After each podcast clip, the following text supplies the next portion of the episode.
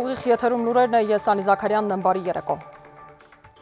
Լեռնային Ղարաբաղի պաշտպանության նախարարությունը հայտնում է, որ մարտերը շփման գծի ամբողջ երկայնքով շարունակվում են։ Ադրբեջանական զինուժը կիրառում է հրետանային եւ հրթիռային միջոցներ, հարվածային անօթաչու թռչող սարքեր, մարտական ավիացիա։ Ղարաբաղյան կողմը դիմում է ադրբեջանական կողմին անհապաղ դադարեցնել կրակը եւ ստեղծված իրավիճակը հանգուցալուծելու համար նստել բանակցությունների սեղանի շուրջ։ Ադրբեջանը կեսօրից ռմբակոծում է Լեռնային Ղարաբաղը, այդ թվում Ստեփանակերտը։ Լեռնային Ղարաբաղի պաշտպանության նախարարությունը հայտնել է, որ ժամը 13-ի սահմանում ադրբեջանական զինուժը շփման գծի ամբողջ երկայնքով խախտել է հրադադարը, հասցնելով հրթիռահրետանային հարվածներ։ Ադրբեջանի զինված ուժերի ստորաբաժանումները ձեռնարկել են նաև դիրքային առաջխաղացման փորձեր։ Լեռնային Ղարաբաղի պաշտպանության բանակը ձեռնարկում է պաշտպանական միջոցառումներ հարձակման մասին, հայտնում է նաև պաշտոնական Բաքուն։ Ադրբեջանի զինված ուժերի հաղորդագրությամբ Բաքուն խաղաղ բնակչության հրետակոծությունն անվանում է հակաահաբեկչական գործողություն, որի նպատակը սահմանադրական կարգի վերականգնումն է համարում եւ ընդգծում, որ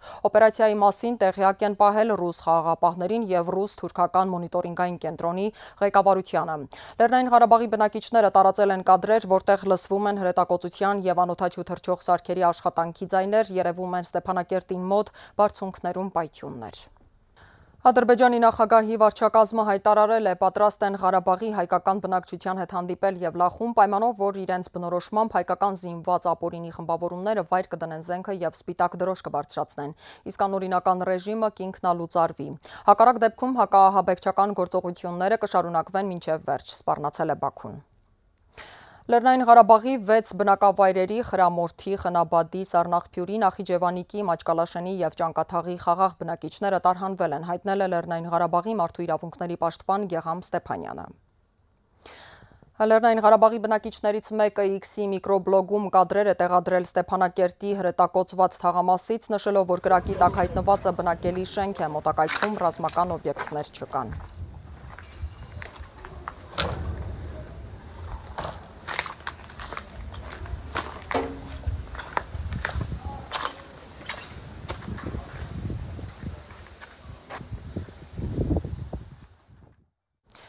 Թաքստոցներ, շտապող կանայք ու երեխաներ հայտնվել են ադրբեջանական ռմբակոծության տակ։ Ստեփանակերտի հիվանդանոցներում փորձում են փրկել վիրավորների կյանքը, զոհեր կան եւ քաղաքացիական բնակչության եւ զինվորականների շրջանում։ Ժամը 20-ի դրությամբ Լեռնային Ղարաբաղն ունի 25 զոհ, որոնցից երկուսը քաղաքացիական անձինք են, հայտարարել է Լեռնային Ղարաբաղի մարդու իրավունքների պաշտպանը։ Հանրապետական բժշկական կենտրոնում 128 վիրավոր կա։ Արևիկ բուժմիավորումում 12 երեխա, որոնցից 3-ը ծանր վիճակում։ Ներկայումս նրանց վիրահատում են։ Հիվանդանոցի մոտ կամ պալատներում սպասող ծնողները պատմում են, ռմբակոծության ժամին բոլորը թաքստոց գնալու ճանապարհին էին, բայց թաքնվել չեն հասցրել։ Ժամը կես առաջ ալալ, ըզարը փխչին պայնա պատվալը, մաշինա եսեմ լալեր ու թորոս կնայդես։ Կնայդես էլա վիրավորվել են աբալիցը, մը թորոս էլ են աստա։ Մի ժամը կես առաջ վերահատում են։ Սստեղը վերահատում, կինս է դաղը վերահատում։ Մենք դուրս ենք եկել գյուղից դուրս մի ծառի տակ նստել ենք, որպեսզի այդ կարակոսներն հանդարտվի կարանանք դուրս կանք այդ պահին խփել են, ընկել է մեքենա երեխեքի առաջը։ Տենց սաղ վիրավորվել են։ Դաժե երևի զոհեր էլ ունենք։ Նույն ձևելի սաղս մի տեղ ենք, հլակարակոցուց մեր աշկեն առաջն է եկել, իրեք խոխած վիրավոր մեկն է ռուսներին կողք են տեշոտում, կերակրումում։ Հիմա նոր խաբարչում, լավա լավ չի գում չի։ Լեռնային Ղարաբաղի մարդու իրավունքների պաշտպան Գեգամ Ստեփանյանն արձանագրում է 13:00-ից ինտենսիվ կրակի տակ են եղել նաև քաղաքացիական բնակավայրերը։ Ունենք զոհեր ոչ միայն զինվորականների շրջանում եւ վիրավորներ ոչ միայն զինվորականների շրջաներում, այլ նաև քաղաքացիական բնակչության շրջանում ես քիչ առաջ եմ վերադարձել հանրապետական բժշկական կենտրոնից, որտեղ իմ ներկայությամբ արձանագրվել է առնվազն 50 անձանց մուտքը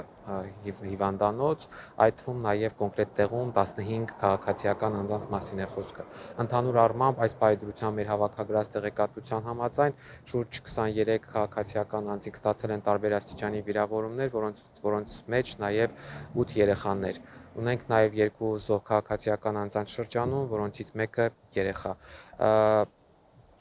վնասներ է կրել նաև քաղաքացիական օբյեկտները, բնակելի շենքեր, կենսական նշանակության ենթակառուցվածքներ, որոնց վերաբերյալ փաստերի հավաքագրումը այս պահին էլ շարունակվում է, հանդես կգանք հավելյալ հաղորդագրությամբ։ Ըստ Մարդու իրավունքների պաշտպանի աշխատակազմի հավաքագրած տվյալների քաղաքացիական բնակչության թիրախավորման, քաղաքացիական օբյեկտների վնասման կամ ոչնչացման դեպքեր արձանագրվել են Մարտակերտի, Մարտունու, Ասկերանի, Շուշի շրջանների խաղաղ բնակավայրերում եւ Ստեփանակերտում։ Սա ոչ թե հակաապեկչական գործողություն է կամ էսկալացիա է, սա Ադրբեջանի կողմից վարվող ցեղասպանության արյունալի փուլն է, որը եթե ինչպես ասում են տեղեկացվել է այլ կողմերի, ուրեմն այդ կողմերը հենց հանցակից են այս արյունալի հանցագործություններին, որ այսօր տեղի ունենում Արցախին։ Սա նաև միջազգային հանրության այս 9 ամիսների ընթացքում ցուցաբերած անգործության, անհասցե հայտարարությունների անկարողության հետևանքն է, որ հետևանքով Ադրբեջանը այսօր գործում է անպատիժ առանց որևէ ձևով զսպելու այլ դերակատար միջազգային հանրության կամ տարբեր դերակատարների գործողություններից։ Գեգամ Ստեփանյանը հայտնել է, որ Շուշիի շրջանի Եղցահող գյուղի 150 բնակիչները հայտնվել են ադրբեջանական կողմի ուղիղ կրակի տակ։ Ադրբեջանի զինված ուժերի հարվածների հետևանքով համայնքի դպրոցն ամբողջությամբ ավերվել է։ Ստեփանյանի խոսքով բնակիչների տարհանումը հնարավոր չէ, քանի որ ադրբեջանական զորքը շրջապատել է նրանց։ Զոհերի, վիրավորների, վնասների վերաբերյալ փաստերի հավաքագրման ընթացքում մի աշխատակազմը բախվում է լրջագույն խնդիրների կապի համակարգի թիրախավորման հետևանքով։ Մուշեղ Իսախանյան, լուրեր։ Լեռնային Ղարաբաղի մարդու իրավունքների պաշտպանը քիչ առաջ նոր տեղեկություն հրապարակեց համաձայն, որի ժամը 21-ի դրությամբ վիրավորները 138-ն են, նրանցից 29-ը քաղաքացիական անձինք։ Ադրբեջանի պաշտպանության նախարարությունը հաղորդել է, որ բնակչության տարհանման նպատակով Լաչինի ճանապարհին եւ այլ ուղություններով հումանիտար միջանցքներ կբացվեն եւ կստեղծվեն ընդունման կետեր։ Այսպիսով փաստորեն Բաքուն տալիս է Լեռնային Ղարաբաղի հայաթափման իր պլանի գործնական մեկնարկը։ Վարչապետ Նիկոլ Փաշինյանի գլխավորությամբ տեղի է ունեցել անվտանգության խորհրդի նիստ. քննարկվել են Լեռնային Ղարաբաղի դեմ Ադրբեջանի սանձազերծած ռազմական գործողությունները, հաղորդում է անվտանգության խորհուրդը։ Ավելի ուշ Facebook-յան ուղիղ եթերում վարչապետը հայտարարել է, Ադրբեջանը սկսել է Լեռնային Ղարաբաղի հայությանը էթնիկ զտումների ենթարկելու ցամաքային օպերացիան, որի համար դիվանագիտական նախապատրաստություն էր տեսել։ Նիկոլ Փաշինյանը շեշտել է, որ Հայաստանի Հանրապետությունը Լեռնային Ղարաբաղում էթնիկ զտումներ իրականացնելու մանդատ որևէ մեկին չի տվել։ Հայաստանի մտահոգությունը միշտ եղել է Լեռնային Ղարաբաղի անվտանգության եւ իրավունքների ապահովումը։ Վարչապետը կոչի արել չտրվել սադրանքների եւ պահպանել սառնասրտությունը, ընդգծելով, որ այս ամենի նպատակը Հայաստանին լայնածավալ ռազմական գործողությունների մեջ ներքաշելն է։ Այսօր ժամը 13-ի սահմաններում Ադրբեջանի զինված ուժերը սկսել են Լեռնային Ղարաբաղի ըստ էության ամբողջ տարածքի հրետակոծությունը եւ նաեւ որոշ ժամանակ անց սկսել են նաեւ գործողություն Լեռնային Ղարաբաղի շփման գիծը խախտելու եւ Լեռնային Ղարաբաղում դիրքեր եւ որոշ տեղեկությունների համաձայն նաեւ բնակավայրեր վերահսկողության տակ առնելու ուղղությամբ։ Լեռնային Ղարաբաղի հետ իհարկե մենք կապի մեջ ենք, բայց կապի որոշակի խնդիրներ կան, բայց ընդհանուր տեղեկությունը դա է, որ սկզբից ամենատարբեր, այդ թվում ռեակտիվ հրետանային միջոցներով հարվածներ են հասցվել Լեռնային Ղարաբաղի տարածքին, այնուհետև մի քանի ուղություններից ցամաքային գործողություն են սկսել ընդդեմ Լեռնային Ղարաբաղի։ Այս ընթացքում իհարկե Ադրբեջանն նաև տեղեկատվական ուղեկցում է իրականացնում գործողությունների եւ նաև մեզ համար տարօրինակ եւ տարակեկուսելի էր տեղեկությունը, որ Ադրբեջանը այդ գործողությունների մեկնարկի մասին տեղյակ է պահել եւ ուզում եմ սրա վրա ուշադրություն հրավիրել, սակայն փաստն այն է, որ մենք գոնե այդ գործողության մասին Ռուսաստանի մեր գործընկերներից որևէ տեղեկատվություն չենք ստացել։ Իհարկե նաև ասել, որ այս իրադրությունը անկանխատեսելի էր, չի կարելի, որովհետև ինչպես նախորդիվ ասել եմ կառավարության նիստերում, մենք տեսնում էինք իրադրության լարումը եւ նաև այսօր արտաքին գործերի նախարարության հայտարարության մեջ այդ ընդգծումը կար, որ երեք արտաքին Ադրբեջանի արտաքին գործերի նախարարությունում տեղի ունեցած հանդիպումը Ադրբեջանում հավատարմագրված դիվանագիտական ներկայացուցիչների հետ Լեռնային Ղարաբաղի դեմ գործողությունների ռազմական գործողությունների դիվանագիտական նախապատրաստություններ եւ փաստորեն դա արդարացվեց։ Իհարկե մենք անմիջապես անվտանգության խորհրդի ընդլայնված նիստ ենք հրավիրել հանրապետության նախագահի ազգային ժողովի նախագահի մասնակցությամբ եւ քննարկել ենք իրադրությունը եւ պիտի արձանագրենք, որ այսպիսով Ադրբեջանը ըստ էության մեկնարկել է Լեռնային Ղարաբաղի հայությանը էթնիկ զտումների ենթարկելու ցամաքային օպերացիան եւ ինչպես արդեն արտաքին գործերի նախարարության հայտարարության մեջ նշված է, մենք կարծում ենք, որ առաջինը Ռուսաստանի Դաշնության խաղապահ ուժերը պետք է միջոցներ ձեռնարկեն եւ երկրորդը ՄԱԿ-ի անվտանգության խորհուրդը նույնպես ակնկալում ենք, որ միջոցներ ձեռնարկվի։ Իհարկե այս ընթացքում արդեն կան մեկնաբանություններ ցավոք, որոնք փորձ են անում այս տեղի ունեցող գործընթացը կապել Հայաստանի այս կամ այն որոշման հետ բայց ուզում եմ եւս մեկ անգամ կրկնել այն, ինչ բազմիցս ասել եմ, Հայաստանի Հանրապետությունը որևէ մեկին Լեռնային Ղարաբաղում էթնիկ զտումներ իրականացնելու մանդատ չի տվել եւ մեր մշտական խնդիրը եղել է եւ շարունակում է մնալ Լեռնային Ղարաբաղի հայության իրավունքների եւ անվտանգության ապահովումը եւ դա է եղել մշտապես մեր օրակարգում։ Տարօրինակ եմ համարում Ադրբեջանի այն հայտարարությունը, թե մարդասիրական միջանցք են թողնելու խաղաղ բնակչությանը Լեռնային Ղարաբաղը լքելու համար։ Սա էթնիկ զտումների ուղիղ գործողություն է, որովհետև իսկ ինչ է տեղի ունենում, եթե իրենք հայտարարում են, որ տեղի է ունենում այսպես կոչված հակաահաբեկչական գործողություն եւ քաղաքացիական ենթակառուցվածքներին եւ քաղաքացիներին հարված չի հասցվում, այդ դեպքում հարց է ցակում. ինչու են նրանք հայտարարում մարդկանց Լեռնային Ղարաբաղից դուրս գալու համար մարդասիրական միջանցք բացելու մասին։ Եթե նրանց ասածը իրականության հետ կապ ունենար, ընդհակառակը պիտի հորդորեին քաղաքացիներին պատասպարվել, մնալ ապաստարաններում եւ դուրս չգալ այնպիսի վայրեր, որտեղ նրանք ակամա կարող են խոցվել։ Եվ այս տրամաբանությունը, որ զարգացնում է Ադրբեջանը, ակնհայտորեն ցույց է տալիս էթնիկ զտման կոնկրետ գործողության մեկնարկ։ Բայց ես ուզում եմ նաև գնահատել իրադրությունը Հայաստանի տեսակետից։ Նախ ասեմ, որ այս պայդրությամբ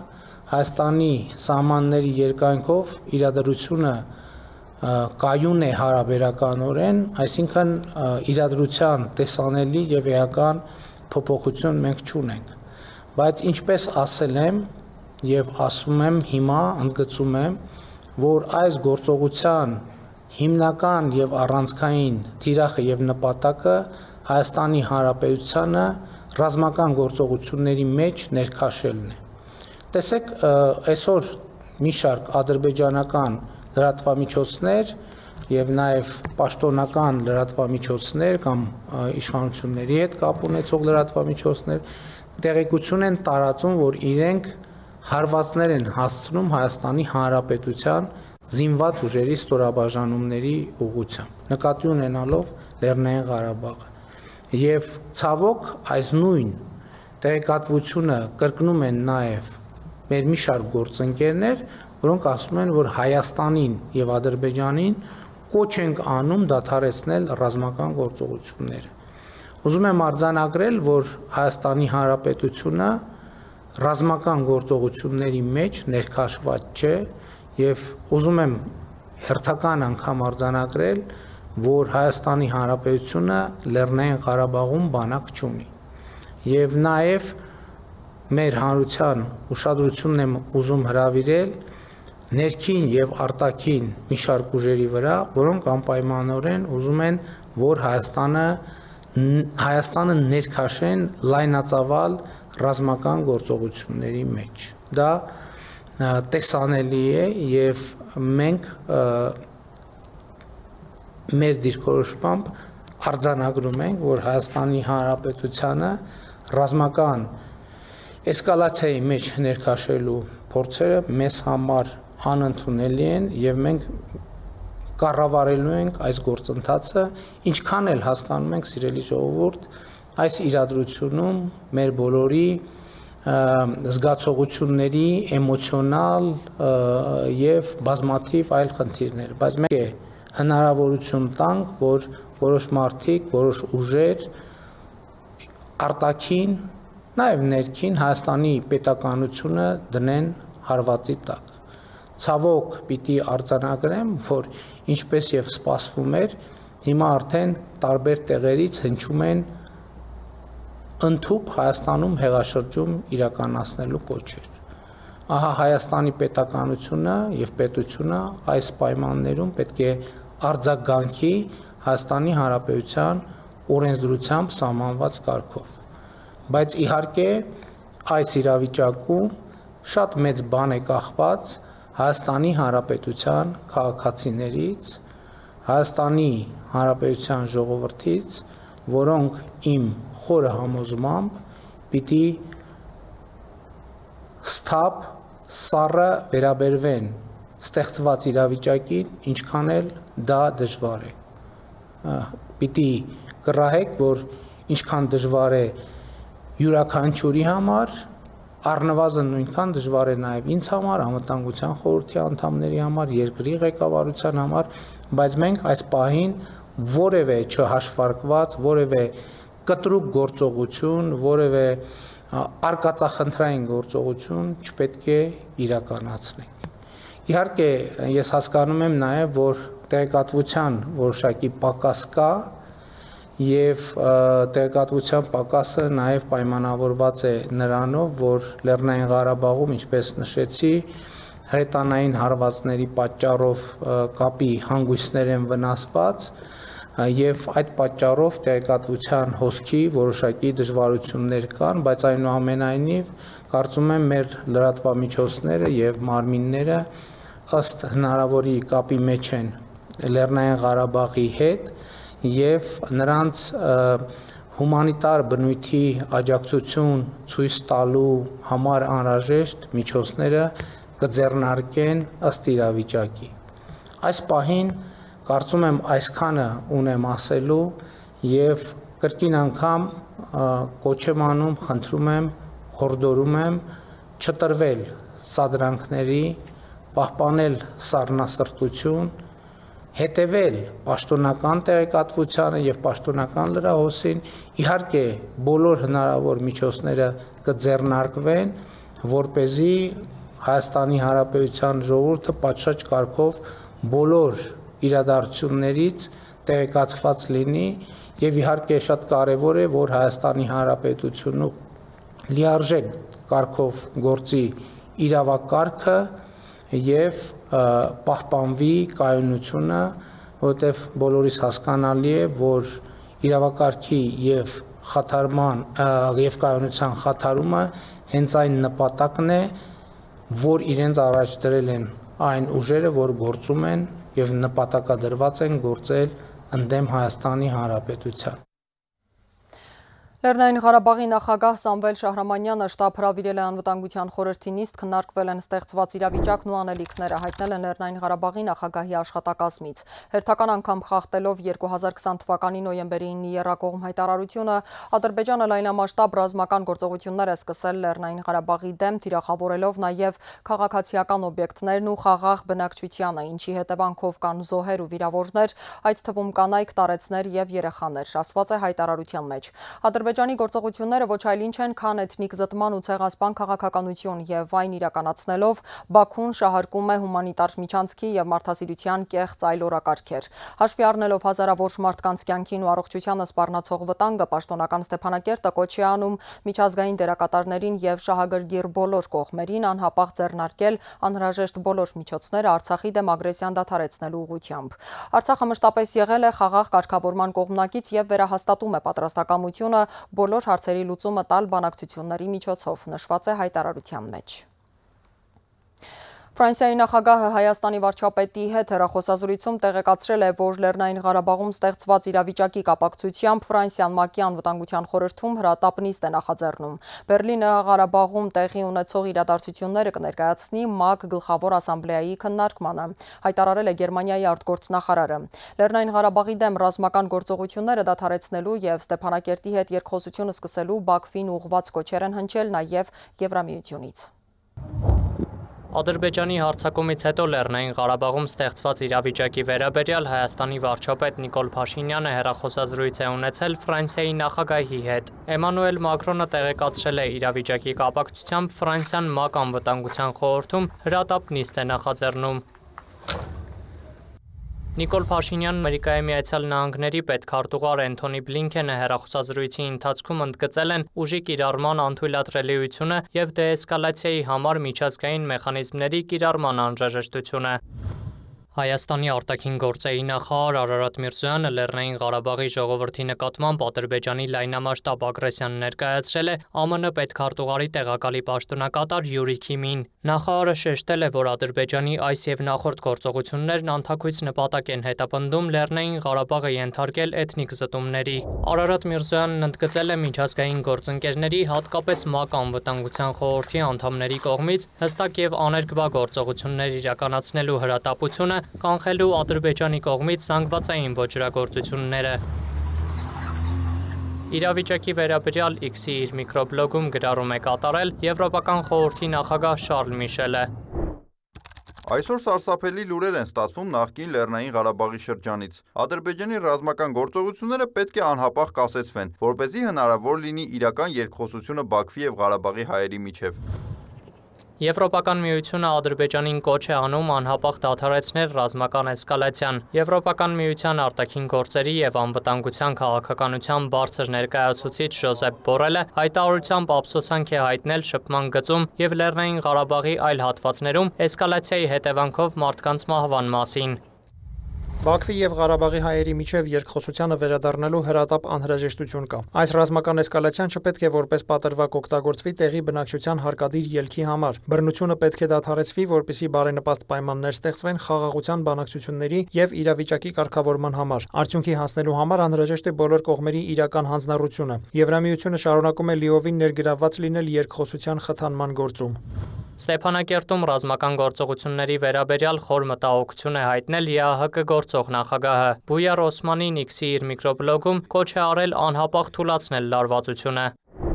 Խաղաղ երկխոսությունը պետք է լինի միակ տարբերակը եւ հումանիտար նկատառումները պետք է գերակշռեն։ Այսօր Նյու Յորքում ՄԱԿ գլխավոր ասամբլեայի շրջանակում կհանդիպեմ Հայաստանի եւ Ադրբեջանի արտգործնախարարներ Արարատ Միրզոյանի եւ Ջեյհուն Բայրամովի հետ եւ կրկին կոչ կանեմ շարունակել դիվանագիտական գործակցությունը եւ առաջնահերթ ուշադրություն դարձնել կայուն խաղաղության հասնելու ջանքերին։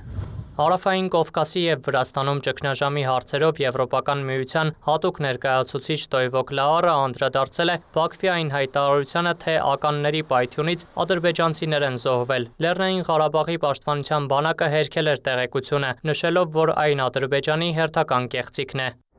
Այնուամենայնիվ, ընթացիկ ռազմական գործողությունը ել ավելի է վատթարացնելու իրավիճակը։ Կրակի անհապաղ դադարեցումը հնարավոր կդարձնի Բաքվի եւ Ղարաբաղի հայերի միջև անկեղծ երկխոսությունը, որը խաղաղ գոյակցության միակ ճանապարհն է։ Լեռնային Ղարաբաղի վրա Ադրբեջանի հարձակումներն անհապաղ դադարեցնելու կոչ է արել Եվրախորհրդարանում Հայաստանի հարցերով զեկուցող Անդրեյ Կովաչևը։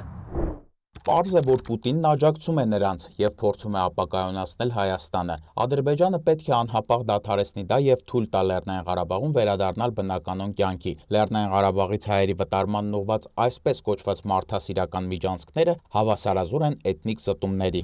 Գերմանիայի Բունդեսթագի արտաքին հարաբերությունների հանձնաժողովի նախագահ Միխայել Ռոթն Ադրբեջանի դեսպանին հայտնել է, որ անընդունելի է ռազմական ագրեսիան Լեռնային Ղարաբաղի հայության նկատմամբ։ Ռոթն այդ մասին հայտնել է X-ում գրառմամբ։ Ալիևը վտանգի տակ է դնում Հայաստանի եւ Ադրբեջանի միջև խաղաղ բանակցությունները եւ ամբողջ տարածաշրջանի կայունությունը։ Լեռնային Ղարաբաղում ստեղծված իրավիճակին եւ այնտեղ տեղակայված ռուսական խաղաղապահ առաքելության գործողություններին է անդրադարձել նաեւ Ռուսաստանի Դաշնության Պետդումայի պաշտպանության հարցերով հանձնաժողովի նախագահ Անդրեյ Կարտապոլովը։ Քանի դեռ ռուս խաղաղապահներին ոչինչ չի սպառնում, նրանք իրավունք չունեն զենք կիրառել։ Ռուսաստանի պաշտպանության նախարարը Լեռնային Ղարաբաղում իրավիճակը քննարկել է Իրանի զինված ուժերի գլխավոր շտաբի պետի հետ։ Լեռնային Ղարաբաղում այսպես կոչված տեղական հակահահապեկչական միջոցառումների մասին Ադրբեջանի պաշտպանության նախարար Զաքիր Հասանովը տեղեկացրել է Թուրքիայի իր գործընկերոջը։ Յաշար Գյուլերը հայտարարել է, որ Թուրքիան ինչպես միշտ այսօր եւս աջակցում է Ադրբեջանին։ Ավելի քան 9 ամիս շրջափակման եւ հումանիտար ճգնաժամի մեջ գտնվող Լեռնային Ղարաբաղի ժողովրդի նկատմամբ Ադրբեջանի ռազմական գործողությունները դատապարտել են Լյուքսեմբուրգի, Ավստրիայի, Գերմանիայի եւ այլ երկրների արտաքին քաղաքական գերատեսչությունները, նախկին ու ներկա պաշտոնյաները։ Նորայդ Շողիկյան, լուրեր Եվրախորհրդարանի падգամավորներ Դեյվիդ Մքալիսթերը, Մարինա Կալյուրանդը, Անդրեյ Կովաչևը, Ժելյանա Զովկոն համատեղ հայտարարությամբ խստորեն դատապարտել են Լեռնային Ղարաբաղի դեմ Ադրբեջանի գործողությունները։ Ադրբեջանի կողմից հարձակումն անհապաղ չդադարեցնելու դեպքում նրանք Եվրամիության խորհրդին կոչ են արել հիմնովին վերանայել Եվրամիություն-Ադրբեջան հարաբերությունները եւ դիտարկել Ադրբեջանի իշխանության դեմ պատժամիջոցներ կիրառելու հարցը։ Նախապես ծրագրված այս հարցակումը բացարձակապես անընդունելի է։ Կոչ են կանում անհապաղ դադարեցնել բոլոր ռազմական գործողությունները։ Բաքվի եւ Ստեփանակերտի միջև ուղիղ բանակցությունները Լեռնային Ղարաբաղի հայերի եւ Ադրբեջանի հարաբերություններում առաջընթացի հասնելու միակ տարբերակն են։ Եվրամիությունը միշտ պատրաստ է եղել աջակցել այդ գործընթացին։ Բաքվի հարցակումը լրջորեն խաթարում է Ադրբեջանի եւ Հայաստանի միջև խաղաղության գործընթացը, հորդորում ենք Ադրբեջանի նախագահին հաշվի առնել Հայաստանի վարչապետի վերջին կոչերը ամենաբարձր բարձր մակարդակով վերսկսելու բանակցությունները։ Մեզ անհանգստացնում է, թե ինչ ազդեցություն կարող են ունենալ Ադրբեջանի գործողությունները խաղաղ բնակչության վրա։ Կոչ են կանում Ադրբեջանին ռազմական էսկալացիան որպես պատրվակ չօգտագործել, ստիպելու տեղի բնակչությանն արտագաղթել։ Մեծ Բրիտանիայի Եվրոպայի հարցերով պետնախարար Լեո Դոքերտին X-ի իր միկրոբլոգում գրել է. Լեռնային Ղարաբաղ երեկվա ողջունելի մարդասիրական բեռների մուտքից հետո տարածաշրջանում ռազմական հակամարտության վերադարձը կործանարար է տեղի բնակչության համար։ Ադրբեջանը պետք է դադարեցնի ռազմական գործողությունները։ Մեծ Բրիտանիան քրտնաջան աշխատում է երկխոսությունը խթանելու համար։ Բռնությունը երբեք լուծում չէ, ասված է գրառման մեջ։ ՄԱԿ գլխավոր ասամբլեայում ելույթի ժամանակ Թուրքիայի նախագահը ներկայացրել է, թե Հայաստանը այսպես կոչված Զանգեզուրի միջանցքի խոստում է տվել եւ սպասում են, որ Երևանն այդ խոստումը կատարի։ Ինչպես արդեն բոլորն են ընդունում, Ղարաբաղն ադրբեջանական հող է, հայտարարել է Էրդողանը, հավելել դրանից դուրս որևէ կարգավիճակի պարտադրումը երբեք չի ընդունվելու։ Թուրքիայի նախագահն իր աջակցությունն է հայտնել Ադրբեջանի Էրդողանի ձևակերպմամբ սեփական տարածքային ամբողջականության պահպանման ուղղված քայլերին։ barış içinde yan yana Ադրբեջանի նախագահի օգնական Հիկմետ Հաջիևը Հայաստանի կառավարությանը մեղադրել է իր ձևակերպմամբ Ղարաբաղում ապօրինի ռեժիմին աջակցելու համար։ Ըստ Հաջիևի Լեռնային Ղարաբաղում անցկացված նախագահի ընտրությունը պետնախարարի նշանակումը սադրիչ քայլեր էին Բաքվի դեմ, ինչի հետևում իբր Հայաստանն է։ Հաջիևի ձևակերպմամբ հանջատողական ռեժիմը պետք է ինքնալուծարվի, զինված ուժերը զինաթափվեն, ինչից հետո Ղարաբաղում ապրող հայերի վերաինտեգրման համար առավել լավ հնարավորություններ կկարողանան գտնել։ Հարցին թե քանի օր է տևելու գործողություն Պաշտոնը Հաջիևն ասել է, որ հիմնական ռազմական թիրախներն արդեն չեզոքացվել են, այսուհետև գործողությունը կետային բնույթ է կրելու։ Հայաստանի պաշտպանության նախարարությունը բազմիցս այժմ եւս հայտարարում է, որ Հայաստանը Լեռնային Ղարաբաղում բանակ չունի։ Հաղորդագրությունում նշվում է ինչպես նախորդիվ, այնպես էլ այժմ ադրբեջանական պաշտոնական հաղորդագրություններում եւ զանգվածային լրատվամիջոցներում շարունակում է տեղ գտնել այն կեղծ պնդումը, թե Լեռնային Ղարաբաղում կան Հայաստանի զինված ուժերի ստորաբաժանումներ, ռազմական տեխնիկա եւ անձնակազմ։ Բաքուն հայտարարել է, թե խաղաղության հասնելու միակ ճանապարհը Ղարաբաղից Հայաստանի զինված ուժերի անվերապահ եւ ամբողջական դուրսբերումն է եւ անօրինական վարչակազմի լուծարումը։ Պաշտպանության նախարարությունը հայտնել է, որ ժամը 14-ի դրությամբ իրադրությունը Հայաստանի սահմաններին հարաբերականորեն կայուն է, նաեւ հերքել է ադրբեջանական կողմի հաղորդագրությունը, թե գիշերը Հայաստանի զինուժը կրակել է սահմանագոտու արևելյան հատվածի ադրբեջանական դիրքերի ուղությամբ։ Մոսկվան անհանգստացած է կտրուկ էսկալացիայով եւ Ադրբեջանի կողմից ռազմական գործողությունների մեկնարկով հայտարարել է Ռուսաստանի նախագահի խոսնակը Դմիտրի Պեսկովը չի հաստատել լուրերը, որ ռուսական կողմը նախապես տեղեկացվել է Ադրբեջանի գործողությունների մասին։ Ադրբեջանի զինված ուժերի ռազմական գործողության ֆոնին Մոսկվայի համար առաջնայինը Ղարաբաղի բնակչության անվտանգության ապահովումն է։ Խոսքն իհարկե հայ բնակչության մասին է։ Այդ նպատակով պետք է ձեռնարկվեն անհրաժեշտ բոլոր միջոցները։ Մեր զինվորականների եւ այլ խողովակներով կապի մեջ ենք ինչպես հայկական, այնպես էլ ադրբեջանական կողմի հետ։ Փորձում ենք գործընթացը վերադարձնել քաղաքական դիվանագիտական հուն։ Դրա համար միակ բովանդակային հիմքը երրակողմ հայտարարություններն են, որոնք ստորագրվել են Ռուսաստանի, Հայաստանի եւ Ադրբեջանի միջև։ Կարևոր է Երևանին եւ Բաքվին համոզել, որ հրաժարվեն ուժային մեթոդներից եւ նստեն բանակցային սեղանի շուրջ։ Ռուսական կողմը հակամարտող կողմերին կոչի անում դադարեցնել արյունահեղությունը ճեպազրույցում անդրադառնալով Լեռնային Ղարաբաղում Բաքվի հարձակումներին հայտարարել է Ռուսաստանի արտաքին գործերի նախարարության պաշտոնական ներկայացուցիչը։ Մարիա Զախարովան հույս է հայտնել, որ կողմերն անվերապահորեն կապահովեն ռուս խաղաղապահների անվտանգությունը։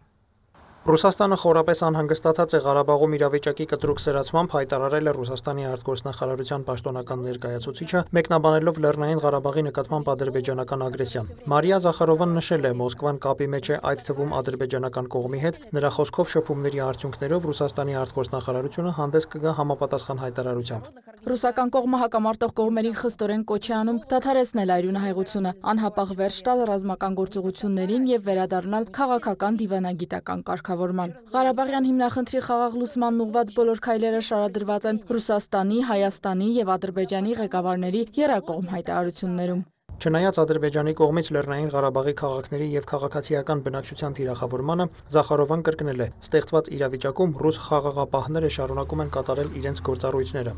Ելնում ենք նրանից, որ կողմերն անվերապահորեն կապահովեն մեր խաղաղապահների անվտանգությունը։ Նրա խոսքով Ռուսաստանը եւ միջազգային այլ միջնորդների ջանքերով լուրջ նախադրյալներ են ձևավորվում Ղարաբաղում հիմնախնդրի խաղաղ կարգավորման գործում առաջընթացի համար։ Զախարովան հավելել է, որ Ղարաբաղի բնակչությանը մարդասիրական օգնության մատակարարումը բարենպաստ պայմաններ է ստեղծում Բաքվի եւ Ստեփանակերտի միջև ուղիղ երկխոսության վերսկսման համար։ Ռուսական կողմը շարունակում է նպաստել Լեռնային Ղարաբաղում հումանիտար իրավիճակի կարգավորմանը, հումանիտար փոխադրումների համար երթուղիների զուգահեռ ապաշրջափակման վերաբերյալ Ռուսաստանի արտաքին գործերի նախարարի նախաձեռնության հիման վրա։ Ակնկալում ենք, որ մարդասիրական մատակարարումները անարգել եւ կանոնավոր կերպով կշարունակվեն։ Զախարովան խոսել է նաև Հայաստանի եւ Ադրբեջանի միջև հնարավոր խաղաղության պայմանագրի մասին։ Նշել, կողմերի միջև խաղաղություն հնարավոր է արկա ճանապարհային քարտեզների եւ գրավոր պայմանավորվածությունների կյանքի կոչման պարագայում։ Խաղաղության պայմանագրի մշակման եւ ստորագրման հստակ ժամկետների կամ պարամետրերի մասին խոսելը կարող է ոչ արդյունավետ լինել։ Փաստաթուղթը պետք է ապահովի Ադրբեջանի եւ Հայաստանի շահերի հավասարակշռությունը։ Հիմնական նպատակը մեկն է՝ տարածաշրջանում պետք է ամուր եւ կայուն խաղաղություն հաստատվի։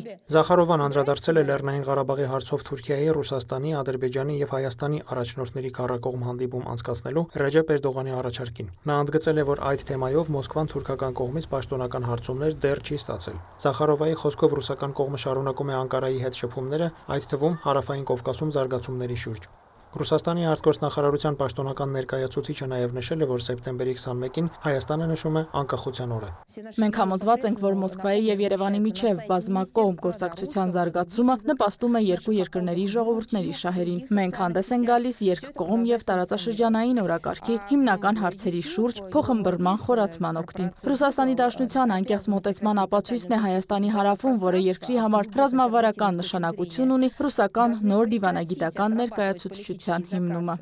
Մարիա Զախարովան հերթական անգամ մեղադրել է Արևմուտքին, մասնավորապես Միացյալ Նահանգներին, հետ խորհրդային տարածքում ռուսական դիրքերին հարվածելու, ամենամոտ դաշնակիցների հետ Մոսկվայի հարաբերությունները փչացնելու եւ Հայաստանին Ռուսաստանից կտրելու փորձերի համար։ Դավիթ Մուրադյան, Դիանա Գասպարյան, լուրեր։ Ի պատասխան Ռուսաստանի արտաքին գործերի նախարարության պաշտոնական ներկայացուցչի Հայաստանին եւ Ադրբեջանին ուղղված ռազմական գործողությունները դադարեցնելու եւ դիվանագիտական կարգավորման վերադառնալու կոչի հայտնում ենք, որ Հայաստանի զինված ուժերը ներգրավված չեն ռազմական գործողություններում, հայտարարել է Հայաստանի արտաքին գործերի նախարարության մամուլի խոսնակը։ Հայաստանը մշտապես հավատարիմ է եղել արկա բոլոր հարցերի բացառապես քաղաքական եւ դիվանագիտական ճանապարհով լուծմանը համապատասխան առաջարկներով նշված է մեկնաբանության մեջ։ Մի խումբ քաղաքացիներ հավաքվել են Հայաստանում Ռուսաստանի դեսպանատան շենքի դիմաց։ Պատճառը Ադրբեջանի կողմից Լեռնային Ղարաբաղում իրականացվող գործողությունների ֆոնին ռուս խաղաղապահների անգործությունն է։ Քաղաքացիները բացատրություն են պահանջում դեսպանատնից, թե ինչու խաղաղապահներն իրենց գործառույթները չեն իրականացնում, երբ իրենց աչքի առջև երեխաներ են զոհվում Լեռնային Ղարաբաղում։ Սրան զուգահեռ քաղաքացիները հավաքվել են նաև Հայաստանում ՄԱԿ գրասենյակի դիմաց, պահանջելով ռազմական գործողությունների դադարեցում Լեռնային Ղարաբաղում։ Ակցիայի մասնակիցների կարծիքով ՄԱԿ-ը միակ ուժն է, որը բոլոր լծակներն ունի այս խնդիրը լուծելու համար։ Դեռ երեք Բաքվում հավատարմագրված դիվանագետների հետ հանդիպում էր կազմակերպել Ադրբեջանի արտգործ նախարարությունը մեղադրանքներ հնչեցրել Հայաստանի հասցեին։ Մեր արտգործ նախարարությունը արձագանքելով Բաքվի կեղծ թեզերին ընդգծել էր, դրանք նման են տարածաշրջանում նոր ռազմական էսկալացիա ծավալելու, Լեռնային Ղարաբաղում էթնիկ զտումներ իրականացնելուն ուղղված նախապատրաստության։ Այսօր արտաքին քաղաքական գերատեսչությունը միջազգային գործընկերներին կոչի արել վերջ դնել Ադրբեջանի ագրեսիային։ Ադրբեջանը սանձազերծել է հերթական լայնածավալ ագրեսիան Լեռնային Ղարաբաղի ժողովրդի դեմ։ Հայաստանի արտաքին գործերի նախարարությունը խստագույնս դատապարտել է Ադրբեջանի կողմից Լեռնային Ղարաբաղի նկատմամբ ագրեսիան, որը ճիշտ 3 տարի առաջ 2020 թվականի սեպտեմբերի լայնամասշտաբ ուժի կիրառման շարունակությունն է։ Հայաստանի արտաքին քաղաքական գերատեսչությունը նկատել է, որ ռազմական օբյեկտների ոչնչացման սին պատրվակով Ադրբեջանի կողմից հրետակոծության են ենթարկվում բնակավայրեր, այդ թվում Ստեփանակերտը։ ԱԳՆ-ի գնահատմամբ հակառակորդի նպատակը մեկն է՝ ավարտ ավարտին հասցնել իրենց կողմից սկսած էթնիկ զտման քաղաքականությունը։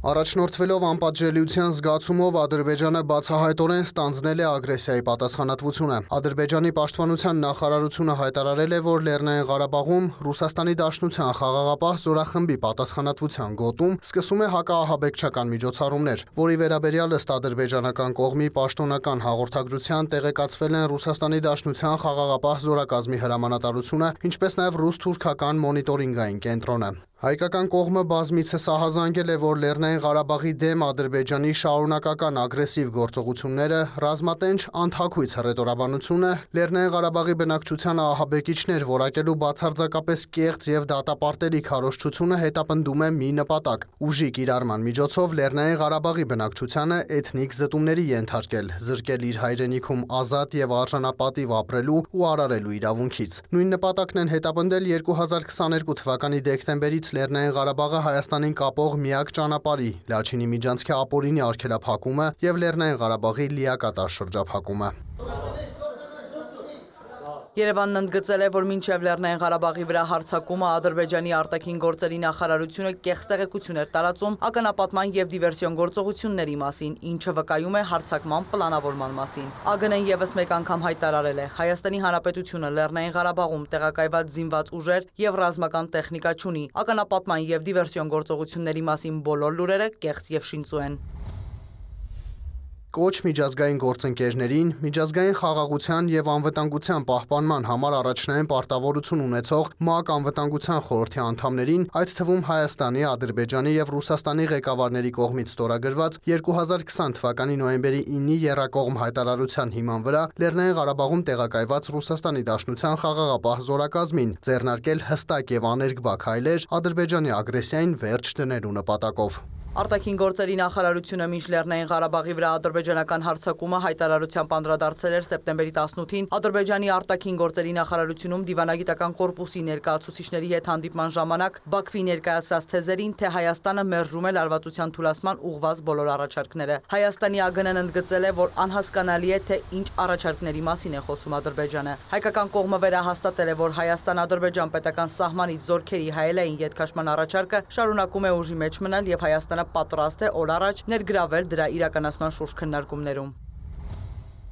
Ադրբեջանի պնդումները, թե Հայաստանի Հանրապետությունը Լեռնային Ղարաբաղի տարածքում ստեղծել է վարչակարգ, իրականության հետ որևէ աղերս չունեն։ Հայաստանի Հանրապետության աջակցությունը Լեռնային Ղարաբաղին ունի հումանիտար բնույթ, ինչի անհրաժեշտությունը ավելի է ընդգծվում Լաչինի Միջանցքի ապօրինի արգելափակման հետևանքով ծավալվող հումանիտար ճգնաժամով։ Հայաստանի Հանրապետությունը ողջունում է երկարատև դադարից հետո հումանիտար առաջին բեռների մուտքը Լեռնային Ղարաբաղ եւ հույս ունի, որ այն շարունակական ու կայուն բնույթ կկրի։ Միևնույն ժամանակ ժամանակ հարկ ենք համարում ընդգծել, որ Լաչինի Միջանցքի 9 ամիս շարունակվող արգելափակումը 2020 թվականի նոյեմբերի 9-ի երակողմ հայտարարության եւ Արդարադատության միջազգային դատարանի փետրվարի 22-ի եւ հուլիսի 6-ի իրավաբանական պարտադիր ուժ ունեցող որոշումների կոպտագույն խախտում է։ Չէին լինի Հայաստանի միջազգային գործընկերների, անգամ Ադրբեջանի կողմից Լեռնային Ղարաբաղին հումանիտար աջակցություն տրամադրելու պատրաստակամության մասին հայտարարությունները, եթե ինքը Ադրբեջանը իր ապօրինի գործողություններով չստեղծեր հումանիտար ճգնաժամը Լեռնային Ղարաբաղում եւ չխոչընդոտեր ՄԱԿ կառույցների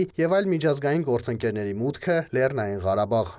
Լաչինի Միչանսկի արգելափակմանը զուգահեռ Ադրբեջանը խափանել է գազի եւ էլեկտրականության մատակարարումները դեպի Լեռնային Ղարաբաղ։ Եթե Ադրբեջանը Լաչինի Միչանսկի ապօրինի արգելափակումը բացատրում է Միչանսկով դեպի Լեռնային Ղարաբաղ զենք եւ ռազմամթերք տեղափոխելու մասին, կեղծ լուրերով անհասկանալի է, թե էլեկտրագծերով ել ինչ է հնարավոր տեղափոխել բացի էլեկտրական էներգիայից եւ գազամուղով ել ինչ է հնարավոր տեղափոխել բացի բնական գազից։ Ընդգծված է ԱԳՆ հայտարարության մեջ։ ԱԳՆ-ն եւս մեկ անգամ շեշտել է, որ Հայաստանը վերահաստատում է իր հավատարմությունը խաղաղության օրակարգին ինչպես նաև 2022 թվականի հոկտեմբերի 6-ի Պրահայի եւ 2023 թվականի մայիսի 14-ի Բրյուսելի պայմանավորվածություններին։ Արձանագրել է, որ պաշտոնական Բաքուն մինչ օրս հրաապարակային կերպով չի հաստատել իր հավատարմությունը ձեռք բերված պայմանավորվածություններին, ինչը տարածաշրջանում լարվածության առանցքային գործոն է։ Անի Օհանյան, լուրեր։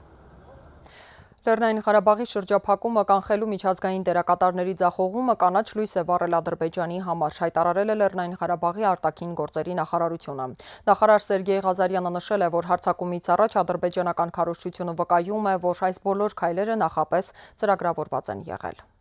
Լեռնային Ղարաբաղի շրջափակումը չեղարկելու եւ ցեղասպանությունը կանխելու միջազգային դերակատարների ձախողումը կանաչ լույս է վառել Ադրբեջանի համար։ Ռազմական հարձակումը սկսելու շրջափակման մեջ գտնվող 120 հազար արցախցիների դեմ։ Նշված է Լեռնային Ղարաբաղի արտգործնախարարության հայտարարությունում։ Ստեղծված իրավիճակին անդրադարձել է նաև Լեռնային Ղարաբաղի արտգործնախարարը, շեշտել վերջին շրջանում ամենօրյա ռեժիմով ադրբեջանական կողմը իրականացրել է բանակային տեղաշարժեր եւ տարբեր զինատեսակների կուտակումներ գործողություններ, որոնք ուղեկցվել են ինտենսիվ տեղեկատվական քարոզչական աշխատանքով, հող նախապատրաստելով Լեռնային Ղարաբաղի դեմ լայնածավալ ագրեսիայի համար։ Արցախյան կողմը շարունակաբար բոլոր դերակատարներին նախազգուշացրել է 2020 թվականի պատերազմից հետո Ադրբեջանի կողմից աննախադեպ ռազմական ուժի կուտակումների անհերքելի փաստի եւ հնարավոր սադրանքների մասին, այդ թվում լայնամասշտաբ ռազմական գործողությունների կանխման ակնկալիքով։ Վերջին 24 ժամում ադրբեջանական կողմը ապատեղեկատվություն է տարածել, թե իբր արցախյան կողմը դիվերսիոն գործողություններ է իրականացրել, հրետակոծության ենթարկել ադրբեջանական դիրքերը։ Ղազարյանն ընդգծել է, որ այդ հաղորդագրություններից շատ չանցած նրանք տեղեկություն են տարածել այսպես կոչված հակաահաբեկչական գործողություն սկսելու մասին, ինչը վկայում է, որ այս բոլոր քայլերը նախապես ծրագրված են եղել։ Լեռնային Ղարաբաղի արտգործնախարարի խոսքով սա ամբողջությամբ տեղավորվում է վերջին ամիսների ընթացքում Լեռնային Ղարաբաղի եւ նրա ժողովրդի նկատմամբ Ադրբեջանի ցեղասպանական գործողությունների մասին հաղորդումների տրամաբանության մեջ։ Այժմ մենք ականատեսն ենք, թե ինչպես է Ադրբեջանը իր ցեղասպան քաղաքականության իրականացման գործում անցնում խաղաղ բնակչության ֆիզիկական բնաջնջմանը եւ քաղաքացիական օբյեկտները ոչնչացնելու գործողություններին։ Ղազարյանը նշում է Ստեփանակերտը միջազգային դերակատարներին բազմիցս հայտնել է, որ կոչերով անհնար է զսպել Ադրբեջանի նման ռազմատենչ եւ հանցավոր կեցվածքը։ Աննա Զախարյան, լուրեր Ադրբեջանի զինված ուժերի սանձազերծած ռազմական ագրեսիան Ստեփանակերտի եւ այլ քաղաքացիական բնակավայրերի ուղությամբ ձևախեղում է մարդու իրավունքների պաշտպանության ժամանակակից համակարգի հիմքում ընկած բոլոր արժեքները։ Մարդու իրավունքների պաշտպան Անահիտ Մանասյանը կոչ է անում մարդու իրավունքների պաշտպանության մանդատ ունեցող միջազգային հեղինակավոր կազմակերպություններին եւ դերակատարներին անհապաղ քայլեր ձեռնարկել։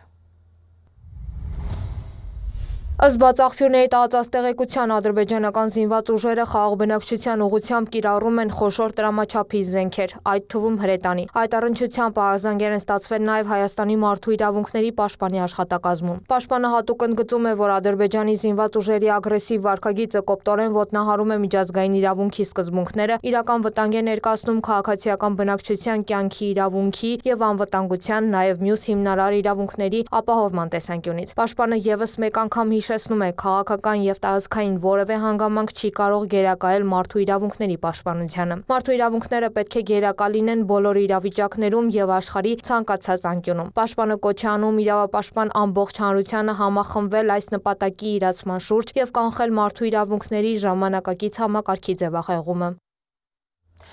Ազգային ժողովի արտաքին հարաբերությունների մշտական հանձնաժողովի արտահերթ նիստը նվիրված է եղել Լեռնային Ղարաբաղում ստեղծված վիճակին։ Ադրբեջանի ագրեսիան կանգնեցնելու Հայաստանի կատարած աշխատանքը ներկայացրել է արտգործնախարարի տեղակալը։ Հայաստանում հավատարմագրված դիվանագիտական կորպուսի դեսպանների եւ միջազգային կազմակերպությունների ղեկավարների հետ Հայաստանի արտգործնախարարությունում հանդիպում է տեղի ունեցել։ Ներկայացվել է Լեռնային Ղարաբաղի ժողովրդի նկատմամբ Ադրբեջանի սանձազերծած ագրեսիան։ Ազգային ժողովի արտաքին հարաբերությունների հանձնաժողովի հրավիրած արտահերտ նիստում հայտնել է փոխարտգործնախարար Մնացական Սաֆարյանը։ Ձեռնարկվել են եւ շարունակում են աշխատանքները բոլոր ուղություններով, բոլոր դեսպանությունների մեր ներգրավմամբ դիվանագիտական առաքելությունների, ներկայացությունների տեղի են ունենում նաև առանձին հանդիպումներ Հայաստանում հավատարմագրված դեսպանների հետ ներկայացնելու իրավիճակը եւ ձեռնարկելու քայլեր Ադրբեջանի ագրեսիան կանգնեցնելու նպատակով։ Ուկրաս 1 տեղեկացվել են այդտեղ գտնվող խաղապահ առաքելություն իրականացնող ռազմական գործողությունների պատրաստ Ռուսաստանի Դաշնության ուժերը։ Նրանք տեղեկացվել են այդ հարցակման մասին ըստ Ադրբեջանի ժամ նախապես։ Հիմա ձեր տվյալները էլի նախապես են տեղեկացվել, թե նույն ժամին, թե դրանից հետո։ Ձեր ինֆորմացիան կա, տեղի հետ կապվում եք դուք։ Բնականաբար ես այսօր հանդիպել եմ Ռուսաստանի դեսպանին մոտ 1 ժամ առաջ նա ինձ տեղեկացրել է, որ նրանք նախապես տեղյակ չեն եղել, բայց այսքան այդ հայտարարության լույսի ներքո, այսինքն մի քանի րոպե առաջ են տեղեկացել, դա է իրենց պաշտոնական դիրքորոշումը։ Արտաքին հարաբերությունների հանձնաժողովի նախագահը տարակուսելի է համարել Ադրբեջանի պաշտպանության նախարարության պնդումը, որ Ռուսաստանի խաղաղապահ զորախումբը տեղեկացվել է այս հարձակման մասին։ Սարգիս Խանդանյանը նաև անընդունելի է համարում այն, որ Ադրբեջանն իր պաշտոնական հաղորդագրություններում նշում է Հայաստանի Հանրապետության զինված ուժերի մասնակցության մասին։ Սա ես կարծում եմ նպատակ ունի սլաքները ուղղել Հայաստանի վրա եւ ագրեսիա նախապատրաստել նաեւ Հայաստանի ինքնիշխան տարածքի նկատմամբ եւ այս առնչությամբ, քանի որ այս նիստը առարցակվում է, ես կոչ կանեի մեր հանրությանը հանդարտություն պահպանել եւ չտրվել սադրանքներին, որովհետեւ ներսում եւս բազմաթիվ են սադրանքները, որոնք այս խոսույթին են ծառայում։ Համապատասխան նյութերը եւ դիրքորոշումներն անմիջապես ուղարկվել են միջազգային գործընկերներին, տարբեր խորհրդարանական հարթակների падգամավորներին եւ բարեկամական խմբերին։ Մանրամասնեցին հանձնաժողովի արտահերտ նիստին ներկա падգամավորները։ Ես արդեն կապի մեջ եմ Հայաստան-Շվեդիա բարեկամական խմբի հետ, որովհետեւ ղեկավարում եմ խումբը, նաեւ ԵԽԽՎ-ում իմ գործընկերների հետ։ Կապնվել է Ֆրանսիա-Հայաստան բարեկամության խմբի երկու համանախագահներին եւ Ֆրանսիա Հանրապետության ազգային ժողովի համանախագահ Տիկին Ան Լորանս Պետելին եւ Սենատի համանախագահ պարոն Ժիլբեր Լուկդևինային։ Տիկին Ան Լորանս Պետել տեղեկացել է ինձ, որ եւ իմ ուղարկված տեսանյութերը եւ նկարները ուղարկված Ֆրանսիայի Բարսասիչան պաշտոնատար անձանց եւ տեղեկացված են Հայաստան-Ֆրանսիա բարեկամական խմբի բոլոր անդամները այնուհետև կապի մասը Եվրոպայի խորհրդի խորհրդարանական վեաժողովի Եվրոպական ժողովրդական կուսակցության բյուրոյի հետ Վարդանյանը նաև տեղեկացրել է, որ հոկտեմբերին ԵԽԽՎ լիագումար նիստում հումանիտար իրավիճակը Լեռնային Ղարաբաղում վերտառությամբ հրատապ քննարկում եւ համապատասխան բանաձևի ընդունում է նախատեսված։ Իրինա Մկրչյան, լուրեր Իրավիճակը կառավարության շենքի մոտ լարված է։ Ցուցարարները փորձել են ներխուժել կառավարության շենք, ինչի ժամանակ էլ նրանց եւ ոստիկանների միջև բախում է սկսվել։ Ոստիկանությունը հատուկ միջոց լուսաձայնային նռնակներ է կիրառել շենք ներխուժել փորձող ցուցարարների նկատմամբ։ Ոստիկանությունից լուրերին տեղեկացրել են բախման հետևանքով ոստիկաններ են վիրավորվել, հստակ թիվ չեն կարող նշել։ Լեռնային Ղարաբաղի դեմ Ադրբեջանի լայնածավալ ագրեսիայի մասին տեղեկությունից հետո մի խումբ ցուցարարներ բողոքի ակցիա են իրականացնում կառավարության շենքի դիմաց, պահանջելով վարչապետ Նիկոլ Փաշինյանի հրաժարականը։ Նրանց են միացել նաև ընդդիմադիր падգամավորներ, հայրենիքի փրկության շարժման առաջնորդ Վազգեն Մանուկյանը, Մայր Հայաստան դաշինքի առաջնորդ Անդրանիկ Թևանյանը։ Նա հրապարակում իշխանապողության կոչեր է հնչեցրել։ Կառավարության շենքի դիմաց զանգվածային անկարգություններ կատարելու հրապարակային կոչեր հնչեցնելու զանգվածային անկարգություններ կազմակերպելու եւ մասնակցելու դեպքերի արդիվ նախաձեռնվել է քրեական վարույթ։ Ոստիկանության հաղորդման համաձայն հավաքի մասնակիցները մոտեցել են կառավարության շենքի մուտքին եւ չենթարկվելով ոստիկանների պահանջին սկսել են հասարակական անվտանգությանը սպառնացող զանգվածային անկարգություններ ոստիկանության աշխատակիցների նկատմամբ բռնությամբ, հարվածելով եւ նրանց ուղությամբ տարբեր առարկաներ նետելով։ Զանգվածային անկարգությունների կազմակերպիչներին ու մասնակիցներին ձերբակալելու նպատակով միջոցներ են ձեռնարկվում։ Հայաստանում սահմանադրական կարգը բռնի տապալելու առերևույթ հրապարակային կոչ հնչեցնելու դեպքի արդիվ քրեական վարույթ է նախաձեռնվել։ Քնչական կոմիտեի տեղեկացմամբ այն առնչվում է հանրային ձայն կուսակցության ավականու ցուցակումներ արված Տիգրան Ուրիխանյանին։ Նա սոցիալական ցանցերում հրապարակել է կոչեմանում դուրս գալ փողոց վերտարությամբ տեսագրությունը, որի ուսումնասիրությամբ պարզվել է, որ դրանում պարունակվում են իշխանությունը զավթելուն եւ սահմանադրական կարգը բռնի տապալելուն ուղղված հրապարակային կոչեր։ Նախաձեռնվել է քրեական վարույթ կառույց սոցիալական հարթակներում արկա են նման բովանդակության այլ հրապարակումներ եւս, որոնք ներկապահին ուսումնասիրվում են։ Քնչական կոմիտեն հանրությանը կոչ է անում դրսևորել օրինապաշտ վարկագիծ զերծ մնալ հակաիրավական, պետության անվտանգության եւ սահմանադրական կարգի դեմ ուղված գործողություններից դրանց դիմելուն ուղված կոչեր հնչեցնելուց։ Ցանկացած առերևույթ անցավոր դրսևորման տրվելու է համաչափ քրյա իրավական գնահատական հայտարարել է քնչական կոմիտեն։ Այս ժամին այսքանը հետևեք լուրերի հարաճիկա թողարկումներին կհանդիպենք։